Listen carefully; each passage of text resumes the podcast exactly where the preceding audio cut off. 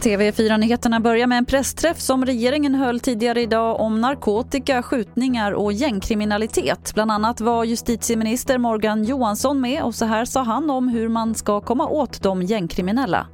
Narkotikahandel och narkotikafrågorna är helt eh, centrala i, i den här, eh, för att kunna bekämpa gängen. Ska vi lyckas knäcka gängen, då måste vi knäcka narkotikahandeln. Det är så att säga A och O i detta. Mer om det här finns på tv4.se.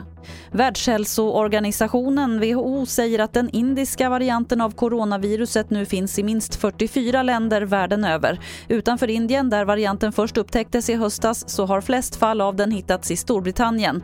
WHO säger att varianten är bekymmersam eftersom den tycks vara mer smittsam än andra varianter. Till sist kan vi berätta att åskovädrens betydelse för miljön är större än vad man hittills trott. Blixtar laddar atmosfären med syreradikaler som effektivt tvättar bort olika typer av föroreningar.